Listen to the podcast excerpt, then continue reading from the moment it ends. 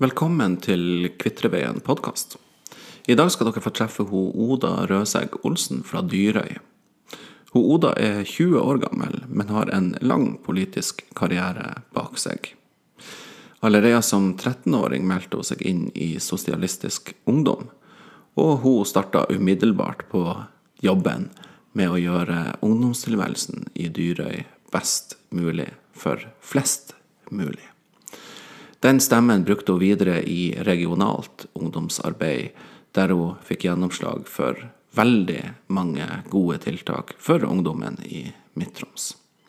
Dagens episode handler mye om ungdomsperspektivet, Oda sine erfaringer gjennom å ha jobba med dette temaet i mange år, og litt om hva framtida vil bringe for henne. Kos dere med Kvitreveien podkast.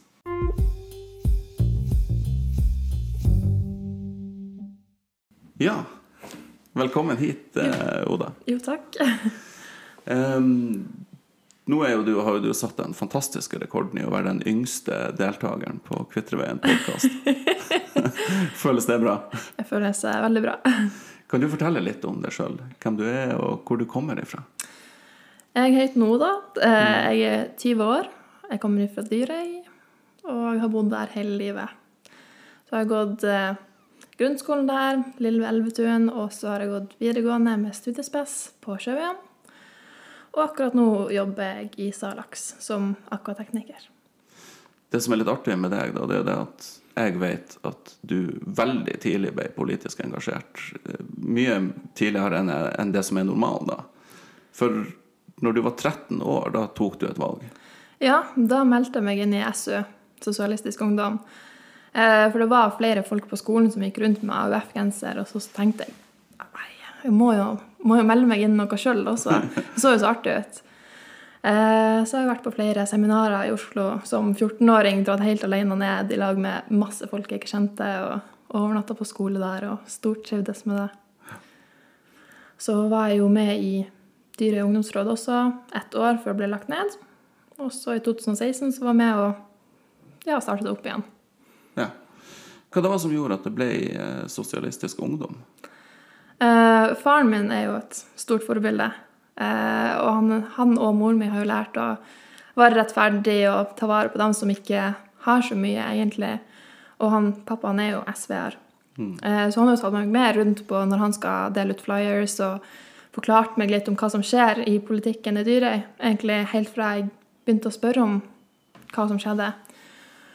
Eh, så SU var jo et ganske opplagt valg da.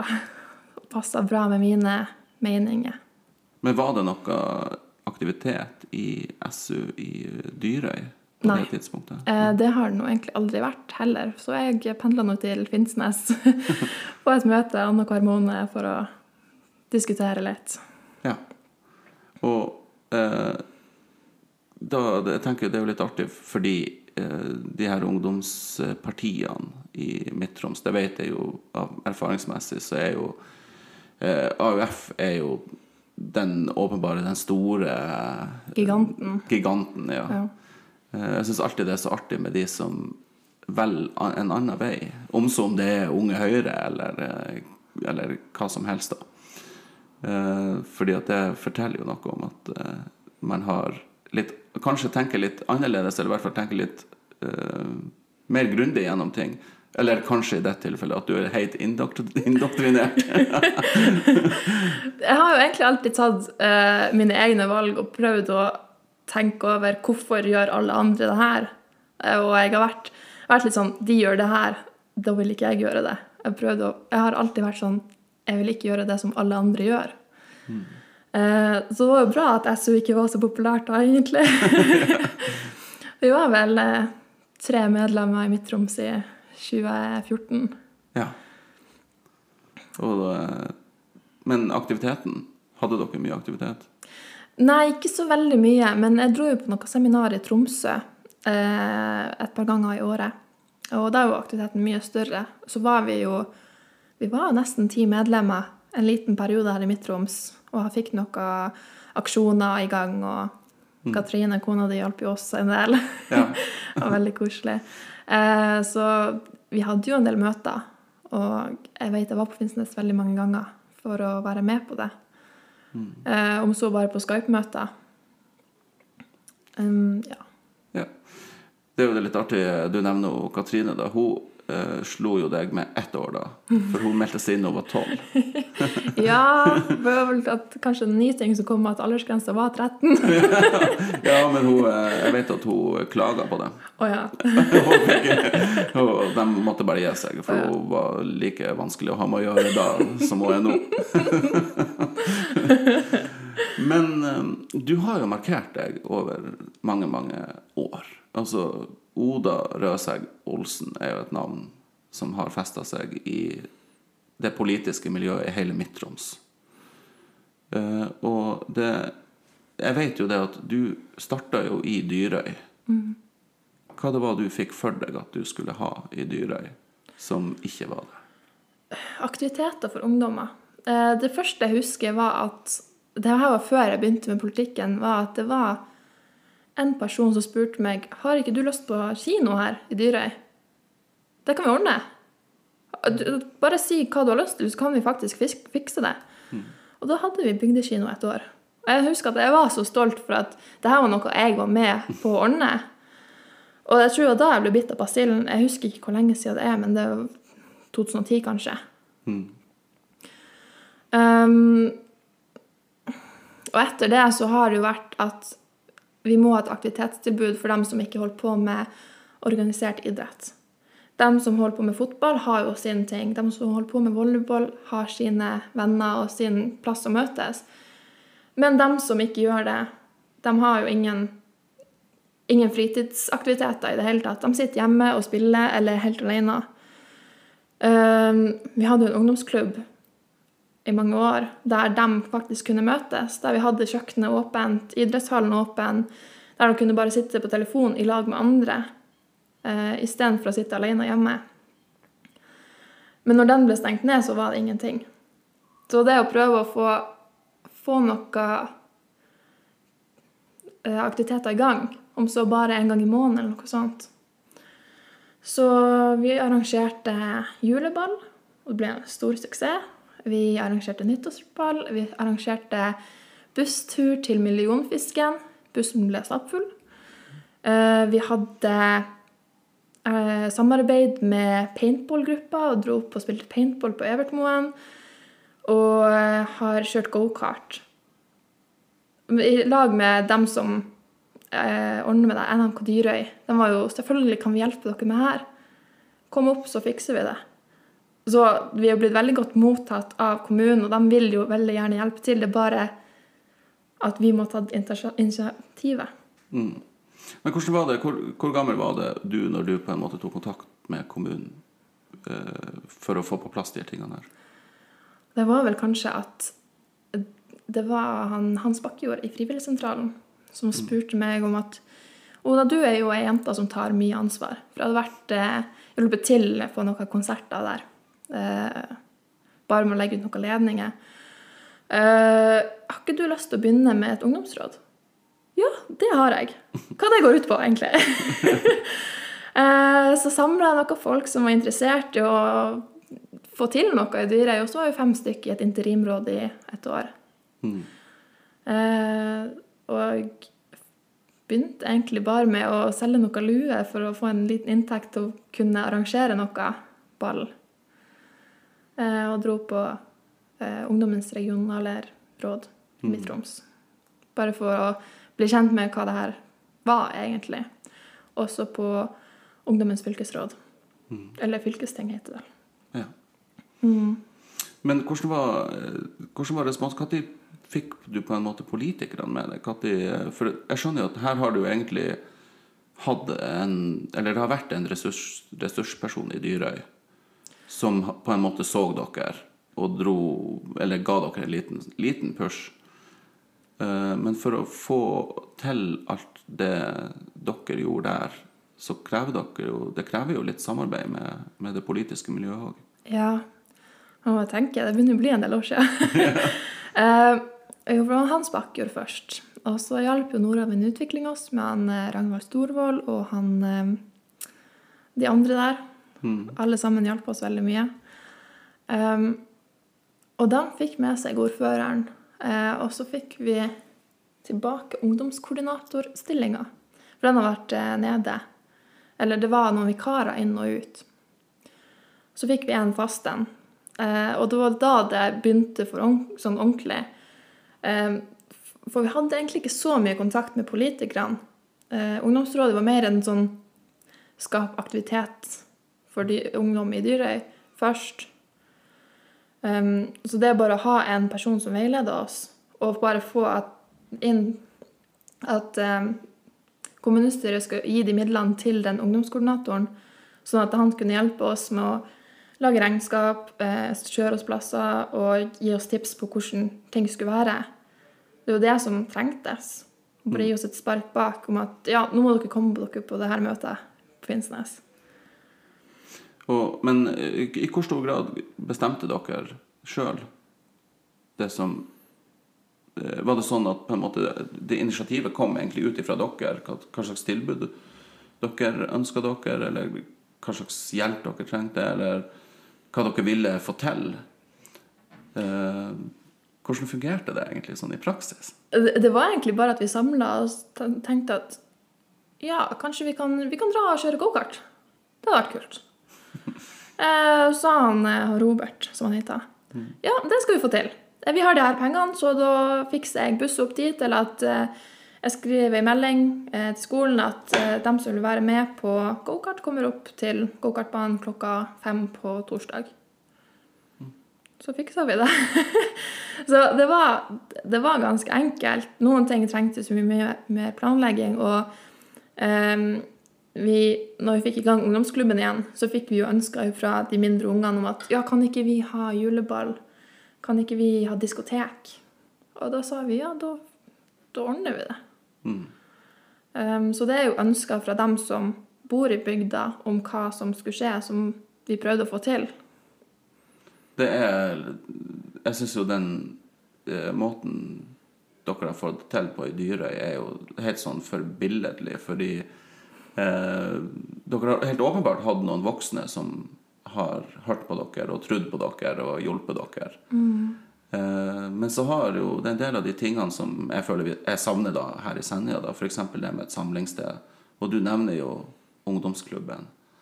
Eh, hvordan, var den ungdomsklubben, eller hvordan er den? Hva består den av? Um, det var jo egentlig for de fra 7. til 10. klasse som brukte han mest. Eh, de som var yngre, hadde, eh, hadde vi ikke med. Og da hadde vi fra før av, eh, når hun Turid Andreassen var ungdomskoordinator i Dyrøy, så hadde de en base der frivilligsent- ikke frivilligsentral, men bakom Gammelkopen i Dyrøy. To rom med sofa, kjøkken, TV-stue, som vi begynte å bruke da som ungdomsklubb. Og der møttes de en, en gang i uka. Og syntes det var kjempeartig. Fra rett etter skolen til klokka ni på kvelden. Kunne sitte og gjøre lekser der, få hjelp av eh, den voksne ansvarlige der, eller hjelpe hverandre. Eh, og egentlig gjøre som de sjøl ville. De kunne gå på butikken eller de kunne gå på fotballbanen, komme tilbake igjen. De fikk middag der for en 20-kroning. Eh, og bare var sosial. Så det er rett og slett en, så enkelt som en møteplass. Bare at Sleng inn noen sofaer og en TV og et lite kjøkken, så går det helt fint. Ja. Det er det man trenger, egentlig. Så hadde vi jo litt ting vi kjøpte inn etter hvert. PlayStation, bordtennisbord. Eh, Ett år kjøpte vi sånne Sorb-baller. Sånne svære sånne bobleballer du spiller fotball i. Det var jo en stor hit. så gikk vi dem ned i idrettshallen og spilte med det i et par timer. Sakk svett når vi kom opp igjen. Det viser jo bare at uh, det er liksom ikke Det er ikke de aller største tiltakene man trenger å gjøre for å få det her til. Og hvilken forskjell utgjorde det her for eh, unge i Dyrøy da? De var jo veldig fornøyd med at de fikk et fritidstilbud annet enn fotballtreninga. At de kunne møtes og ha det gøy eh, på en måte på deres premisser. For det var ikke noe de måtte gå på. Det var ikke noe de måtte gjøre. Det var valgfritt å være der. Det var valgfritt hva de ville gjøre. Og de kunne egentlig gjøre det samme som de gjorde hjemme. Så det var en person som passet på at ting gikk bra. Um, så det tror jeg egentlig var Det som var viktigst, var at det var ikke noe sånn Det her er timeplanen i dag. Klokka tre gjør vi sånn, klokka fire gjør vi sånn. Det er bare Ja, gjør hva dere vil. Vi har det her opplegget klokka fem hvis dere vil være med. Og så ses vi igjen neste uke. Det er og det er jo det, mye det han, han Rangvald egentlig prater om eh, når han både var på podkasten og i, i eh, avhandlinga si. Det er jo det her at ting må skje på de unge sine premisser for at ting skal fungere. Og det virker jo som at eh, akkurat en, en ungdoms, men selvfølgelig en ungdomsklubb eh, på Dyrøy ville jo vært annerledes enn en ungdomsklubb på Finnsnes. Men sett i forhold til hvilket miljø og hvilket lokalsamfunn man er i, så er det jo egentlig lik måte å tenke på. Ja. Uansett hvor det måtte være. Jeg tenker Hvis det skulle vært på Finnsnes, så hadde det bare vært å sette inn litt flere voksne ansvarlige. Eh, så hadde den nok fungert på samme måte, sånn egentlig. Eh, vi hadde jo også en liten periode i fjor der jeg ble spurt om jeg kunne prøve å ha noe sånn ung voksen-kvelder for dem som var litt eldre. Så da samla vi oss eh, åtte personer fra 17 til han eldste var 27. Satt og spilte kortspill og alias og hadde det kjempeartig. Spiste taco. Eh, og det bare å kunne møtes sånn er jo veldig fint, bare å komme seg ut av huset og få se andre folk. Og føle litt mer tilknytning til dem som er i bygda. For det, det er jo det som er jeg, Nå er jo jeg, jeg er jo et barn av 90-tallet. Og vi var jo eh, steike tullete, så eh, det er jo litt annerledes. Um, men um, jeg husker vi hadde, vi hadde ungdomsklubb i Sørreisa der jeg vokste opp. Um, og det var, jo, det var jo godt brukt, men, men jeg husker òg at vi eh, arrangerte masse andre ting. Vi var mye mer ute. Eh, jeg har minner fra at vi var en hel gjeng som bare for og tulla i fjæra, selv når det var ungdom, liksom, og, og sykla til Finnsnes og for overalt. Men hvordan er dagens ungdom? Er det for jeg, Det er ikke for å være frekk, men jeg har et sånt inntrykk av at kanskje man er faktisk litt roligere. I hvert fall i forhold til det å komme seg ut og sånn. Eller er det bare mine fordommer som snakker? Enkelte kan jo være sånn. Du har jo noen som fortsatt er steike tullete. Eh, jeg har jo en bror som han blir 14 år.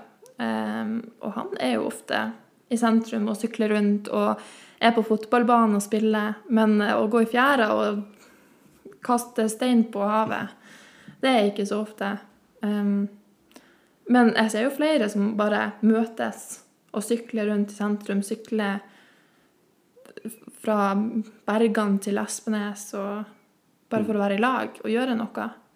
Så det er jo fortsatt litt det der, men du er i mye større grad at de sitter hjemme og spiller og bare har kontakt gjennom Snapchat og PlayStation og ja, sosiale medier. Og det var noe min generasjon ikke hadde. Eh, Det vil si vi hadde sånne mursteiner av sånne telefoner som vi kunne sende en sånn veldig kort SMS, eh, men det brukte vi egentlig ikke så masse. Eh, Så det er jo sikkert litt den nye hverdagen som preger også i kommunikasjon med unge. da. Hva du tenker i forhold til teknologi og sånn? Jeg, jeg, jeg bruker alltid å spørre ungdommer i forhold til det, for jeg var veldig engasjert i eh, et spesielt et vedtak. Det er en liten sånn anekdote, men jeg må spørre deg når du er her, om eh, mobilfri skole og forby mobiltelefoner i skolen. Hva du syns om det? Jeg syntes det var helt greit. For at jeg, jeg skulle ønske jeg var født mye tidligere, så jeg slapp alt det her styret. Jeg skulle ønske jeg kunne slette sosiale medier, men da blir du helt avstengt fra samfunnet, på en måte. Eh, men mobilfri skole Jeg syns egentlig det er en god idé, men at du kan ha det et par dager i uka, kanskje. For at du er jo så vant Alle er jo fastlåst til mobilen. Så det å fjerne den helt med en gang, det, det vil jo skape reaksjoner, som vi hørte det ble her i Lenvik. Eller i- tidligere Lenvik, da. Um, men jeg gikk jo på ungdomsskolen og hadde mobilfri skole. Jeg syntes det var helt greit å sitte ute på gangen og spille kort i friminuttene istedenfor at alle skulle sitte nede i skjermen og holde på med sitt. Du ble mye mer sosial, og du så folk i øynene og hadde eh, normale eh, samtaler istedenfor å si 'ja, se på denne videoen her', og 'se hva de gjør', og og skulle ønske jeg var der istedenfor på skolen', og hun satt og diskuterte kortspillet, og ja, det var mye bedre, syns jeg. Men det, var, det du sier, det er jo egentlig det eh, barne- og unges kommunestyre i gamle Lenvik da foreslo. De ville ha én mobilfri dag. Eh, så da er jo du Jeg er jo mer radikal enn deg, da, så jeg mener jo at man ikke skal forby. Men mitt poeng er bare at jeg tror at det er viktigere å lære folk å bruke eh, mobilen på rett måte. Eh, for det man har sett bl.a. i altså etter de forsøkene med mobilfri skole, er jo at mobbetallene ikke går ned. Fordi at den mesteparten av, av den ubehagelige delen av sosiale medier og, og de mobbegreiene, de skjer jo på ettermiddag og kveldstid. Ja. Men, eh, men det er jo godt at eh, jeg og du ikke er helt enige i det, og jeg syns det er artig. Men på den måten, når du sier det sånn, så er jeg helt enig. Hvis det er eh, et argument på at du må ha bort mobilen for å eh, få ned mobbetallene, det, det er ikke et relevant argument i det hele tatt, syns nå jeg, sånn som du sier. Eh, for at alt, alt foregår jo på ettermiddagstid. Hvis de blir mobba på skolen, så blir de garantert mobba på fritida også. Um, så på den måten så vil du ikke du vil ikke gjøre noe annet, annet enn å tvinge folk til å se hverandre i øynene når du tar bort mobilen på skolen. Men samtidig vil du jo um, Det som er litt dumt med å ta bort mobilen på skolen, er jo at de som er litt ensomme alene, eh, ikke har en plass å unnslippe. For det er det jeg tenker at det er noen som gjør med mobilen, at de kan komme seg litt unna, unna skolen eh, når de sitter med mobilen. Ja. Så det er det sosiale aspektet som egentlig er viktigst for deg. Ja. Ja, egentlig. Og eh, så er det jo sånn at eh, Jeg husker jo deg veldig godt fra når jeg satt i kommunestyret i Lenvik. På, så var vi på masse sånne felles eh, kommunestyremøter. Og selvfølgelig han Rangvald Ragnvald eh, i eh, fri dressur. Eh, og han kjenner det jo ganske godt. Eh, og der var du som representant for Midt-Troms eh, Hva det heter for noe? Eh, det regionale Hvordan blir det? Jeg har vært ute, ute av det et år nå. Eh, ungdommens regionale råd i Midt-Troms. Fantastisk. Ja. Og der eh, var du leder. Jeg var leder i to år og nestleder i ett år. Jeg starta som nestleder for fire år siden, blir det. Og så leder de to siste årene jeg var. For du kan ikke være med lenger etter at du fylte 19. Blir pensjonert. Det er egentlig fornuftig at ikke For nå er jo du egentlig sånn teoretisk sett voksen. Ja, Så, så eh, det hadde vært trist hvis man ikke hadde de begrensningene. Men hvordan var det? Hvordan jobba dere i, eh, regionalt for ungdommen da? Da var det egentlig å ta med alle sakene du hadde i ditt eget ungdomsråd, og ta det med til det regionale ungdomsrådet. Og så de første møtene vi var med på, så fortalte vi egentlig bare hva vi gjorde, hva vi kunne gjøre bedre, hva de andre kunne gjøre bedre, ta inspirasjon fra de andre ungdomsrådene. Eh, Jeg husker at vi hørte på Målselv og Bardu. De, hadde, de var veldig flinke og var veldig aktive på det med å aktivisere ungdommen og ha en møteplass der de hadde aktiviteter. Og så det tok vi med oss hjem og tok med inspirasjon derifra. Um, og så etter hvert så prøvde vi å liksom ha litt aktiviteter for oss sjøl. Vi dro jo på bowling en gang. Men det ble litt sånn Når du har fire møter i året, så er det ikke så mye du får gjort. Eh, og det ene møtet var jo da eh, på felles kommunestyremøte. Da vi fikk med oss alle sakene der, og hadde et lite møte etterpå og diskuterte det. Og ja, vi diskuterte sakene. Og så hadde vi ett møte under eh, dyreseminaret, som er annethvert år. Etter at, for de fleste som var i URMT, som du forkorter det til, var jo med på dyreseminaret. Eh, og da tok vi jo inspirasjon fra det og prøvde å få det med videre. Men egentlig så var URMT en samling for to representanter fra hvert ungdomsråd i Midt-Troms, sånn at vi kunne dele erfaringer og ta det med hjem igjen. Ja. Og, eh, så hovedfokuset er på en måte nettopp det at det skal være en måte, er det sånn bindeledd mellom ungdomsrådene i eh, Midt-Troms. Og så er det jo sikkert noen sånne større felles eh, som gjelder alle ungdomsrådene, som man kan bruke det til. Men du sa fire møter. Ja. Hvem som, hvem som sier at det skal være fire møter? Det står i reglene. Nei, men han setter til eh, det, det regionale rådet for de voksne. Er ikke det også fire ganger? Det er mulig. Ja, så jeg tror de setter sånn ca. ei uke før etter. Jeg husker ikke helt. Men at det er litt sånn samtidig. Eh, Men vi skulle gjerne hatt det kanskje seks ganger. Men problemet er jo da at vi rullerer på plassene. Så en gang er det på Finnsnes, en gang er det i Bardu, en gang er det Dyrøy. Um, og det er på dagtid. Det er klokka tolv på dagen som oftest. For at eh, personen som er ansvarlig for det, altså leder i det regionale rådet for voksne, mm. skal kunne være der og være sekretær. Og det skjer jo på arbeidsdagen deres. Som vi har jo hatt møter klokka tre på dagen også, men det er klart for best for dem som har arbeidsdag midt på dagen, og da går ikke bussene. Så det er jo et problem for oss som gikk på videregående, og vi må, enkelte måtte ta fri hele dagen for å kunne være på et møte i en time i, på Setermoen f.eks. Um, så det å ha hyppigere møter ville kanskje vært litt vanskelig. For at ofte er de som er med i URMT um, og ungdomsrådene, de tar på seg mange verv. Jeg tror jeg hadde syv verv til sammen andre året jeg gikk på videregående, i tillegg til å måtte gjøre alle leksene mine. Så det var heftig. I tillegg til en jobb. Det er ikke helt uvanlig. Det er, sånn tror jeg det har vært i generasjoner. At de som på en måte tar tak i sånne posisjoner, sånne verv, ofte har, ender opp med å ha veldig mye. Og, eh, men i, jeg husker i det mm, Et av de felles Det var vel oppe i Målsenteret, på Isinsportalen. Ja. Så skjedde det jo i hvert fall én veldig viktig ting for ungdomsarbeidet i Midt-Troms, og det var jo at dere fikk eh, noe så viktig som penger. Ja. Det var, det var i fjor, var det ikke det? Jo, for det var min siste, siste gang der.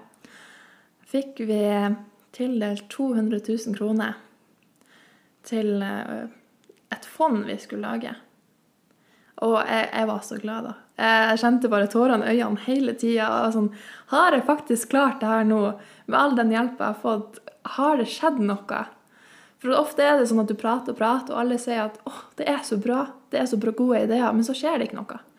Det er sånn Kanskje de endrer litt innstilling, men å se en handling, at du faktisk får de midlene i hånda, det er Det har ikke skjedd før, syns jeg, tenker jeg.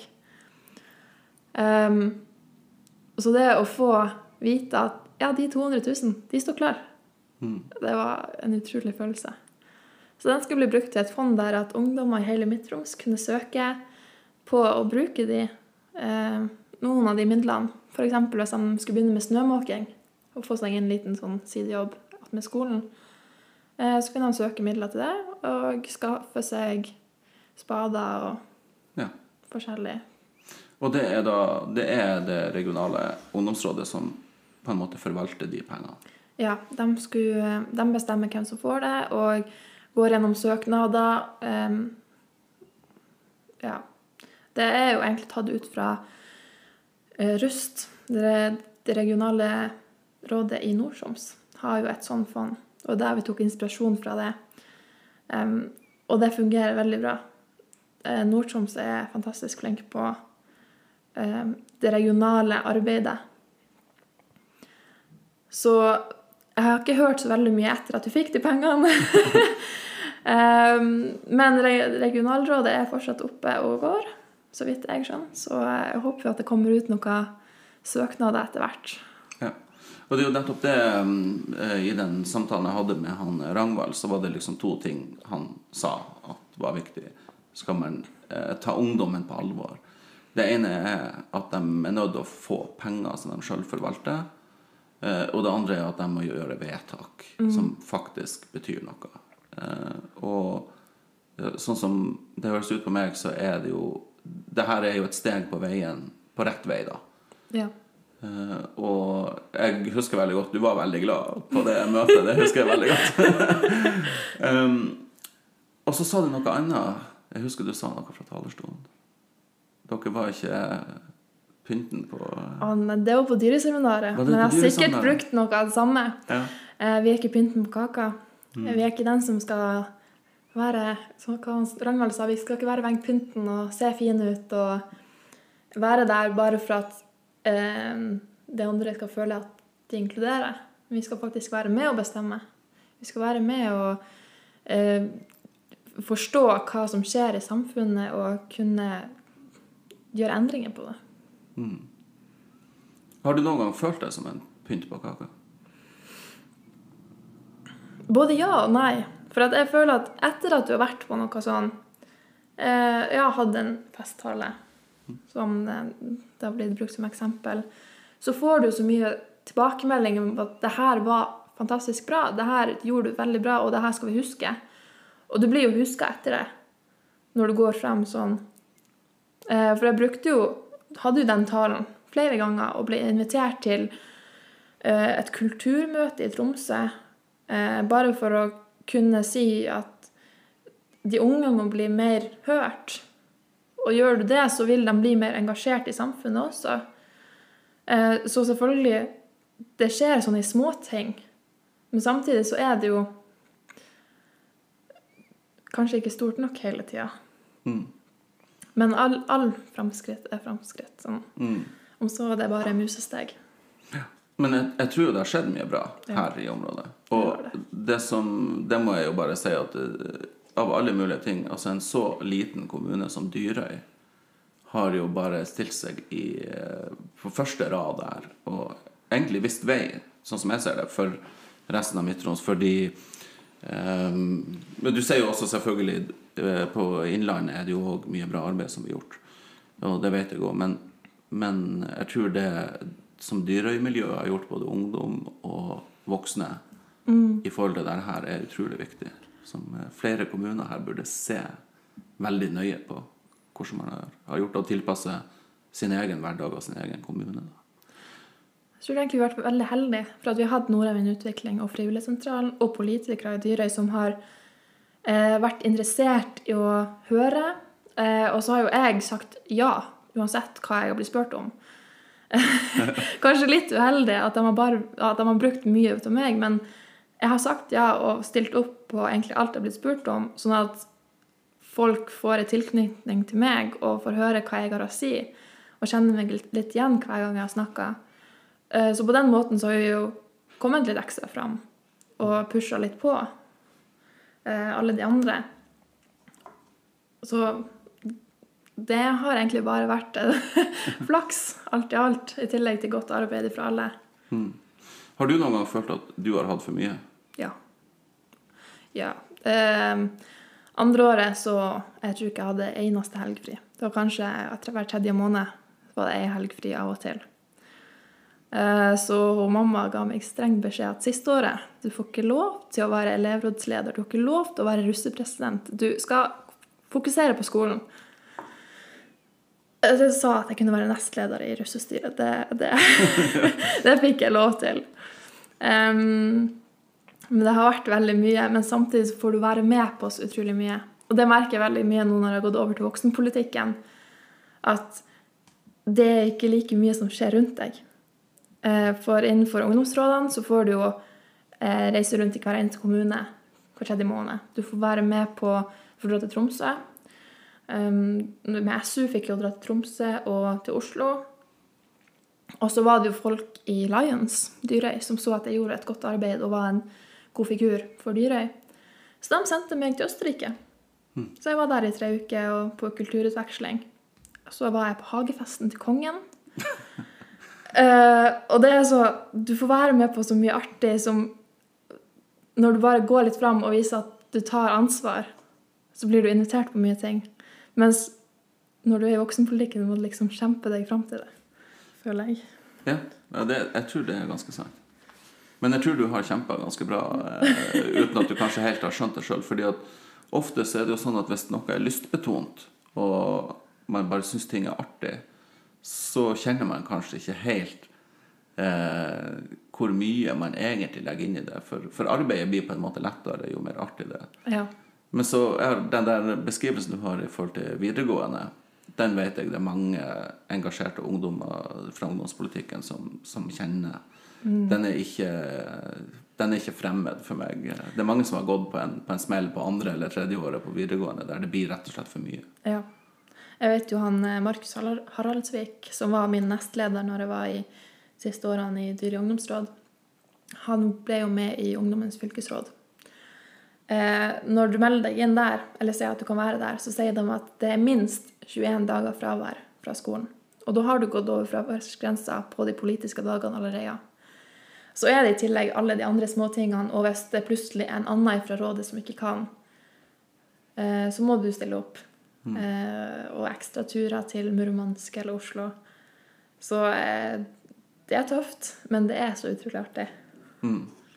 Det er det, det, det jeg alltid syns er så artig med deg, da, fordi at sett, du, jo, du har jo vært i vinden, for å si det mildt, og eh, du har alltid et smil eh, i ansiktet ditt og, og er veldig positiv, da. Men nå, i dag, så har, er jo hverdagen din litt grann roligere. Jeg vet at du har jo Du sitter vel i fylkesstyret for eh, SV. Så der har du jo et verv. Har Ja. du noen andre verv? Jeg sitter som vara i Dyre i SV, og det er vel egentlig bare det. Og jeg har aldri hatt det så rolig siden jeg, jeg, var 14. Og det er så rart å kunne sette seg ned på ettermiddagene, ikke ha lekser, ikke ha noe ting du skal skrive på eller forberede deg til. Helt merkelig. Er, er du komfortabel med det? Jeg skulle ønske det var litt mer, men Eh, Men det jeg også merker, er at du har Du har jo de andre partiene du kan støtte deg på. Men sånn som i ungdomsrådet, så hadde jo alltid nestlederen min, eller lederen min, som i regionrådet, når jeg var bare medlem der. Eller ungdomskoordinatoren jeg kunne spørre alt om. Og det var, sånn, det var veldig lett å bare spørre dem ser det her bra ut, kan jeg gjøre det, kan du hjelpe meg med det, hvordan gjør jeg det her? Mens nå så står du litt mer alene, før jeg egentlig. Eh, og det er litt tyngre, egentlig. Men det er sikkert uh, Det du beskriver på mange måter, altså den voksenpolitikken, den er veldig konkurranseprega. Og den samholdsbiten som kanskje du har kjent på gjennom alt det du har vært med på fordi altså Når man er et ungdomsråd, eksempel, så kjemper man jo altså Det har ikke noe å si hvordan ideologisk ståsted man egentlig er i. Fordi man, kjenk, eh, man kjemper jo eh, sin sak, og Ja. alle har stort sett sånn mer eller mindre de samme preferansene da, på hva man ønsker å få til. Eh, men i voksenpolitikken så blir det plutselig litt mer brutalt, og albuene kommer ofte litt mer fram. Fordi det blir litt mer sånn personfokus, da. Ja. Fordi ofte i lokalpolitikken så er det jo ikke partiene man stemmer på, det er jo personene. Og det merker jeg jo veldig godt i Dyrøy etter valgkampen der. Om at eh, jeg har vært vant til å stå litt i fronten og i fokus, og så plutselig var det valgkampen, og så var det flere skritt tilbake. Oi, er det sånn det foregår? Ja, det blir en, det en helt annen, annen eh, hverdag, da. Ja. Hva, nå vet jeg at eh, nå har du Du jobber nå. Er det sånn såkalt jobbeår? Jeg skulle jo egentlig være i Forsvaret. jeg dro inn i Forsvaret i slutten av juli i fjor. Så ble jeg sendt hjem med beinhinnebetennelse. Eh, og jeg ble egentlig veldig glad i å jobbe. det er deilig å få penger inn på kontoen. Kunne gjøre hva man vil og ikke føle det stresset med å ha innlevering til neste mandag hengende over seg. Um, så ja, det er et jobbår som kommer til å være et år eller to til. Og politisk, hva er dine framtidsplaner der? Nei, jeg kommer til å fortsette i fylkesstyret i hvert fall en liten stund til. Hvis hvis de vil ha meg. Uh, og så er jeg litt spent på hva som kommer til å skje i Dyre SV fremover. Ja. Uh, prøve å få til noe der igjen. Mm. Uh, og det er vel egentlig det som skjer. ja. Ser du for deg at hun, Oda Røseg Olsen noen gang kan nå helt til toppen? For det har jeg sett for meg. Statsminister! Ja, eller i hvert fall, på, i hvert fall på Stortinget. Eller ordfører. Eh, jeg har jo møtt flere folk på butikken som har sagt Ja, der er den nye statsministeren vår. Så, ja, det var en fin drøm, det. Jeg, har noe, jeg kommer nok til å fortsette med politikk på hobbybasis. Eh, får se hvor langt det nå er, før motivasjonen blir litt knekt. Så ja, kommunestyret er nå et mål i seg sjøl. Å komme inn der og kunne være med og bidra. Få ned gjennomsnittsalderen. Ja. Stortinget, hvem veit? Kanskje om noen år. Ja.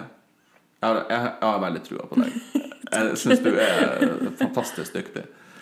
Og eh, jeg syns det er fantastisk artig at du har vært her og prata med meg. For du har jo et helt unikt perspektiv, og alt det du har gjort, og alt det du har fått til på dine første 20 år, det er ganske stort, egentlig. Det var koselig å bli invitert. Takk for at du kom. Jo, takk.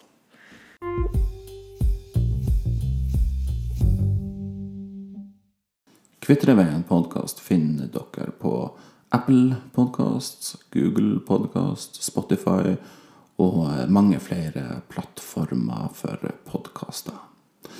For all informasjon dere trenger, vil jeg anbefale dere på det sterkeste å gå inn på Facebook, søk på Kvitreveien podkast, og trykk lik på sida mi. Der vil dere få all den informasjonen dere trenger, både linker til episoder, eh, når ting kommer ut, hva som har vært, hva som kommer, og ikke minst hvor dere kan høre podkasten. Kos dere.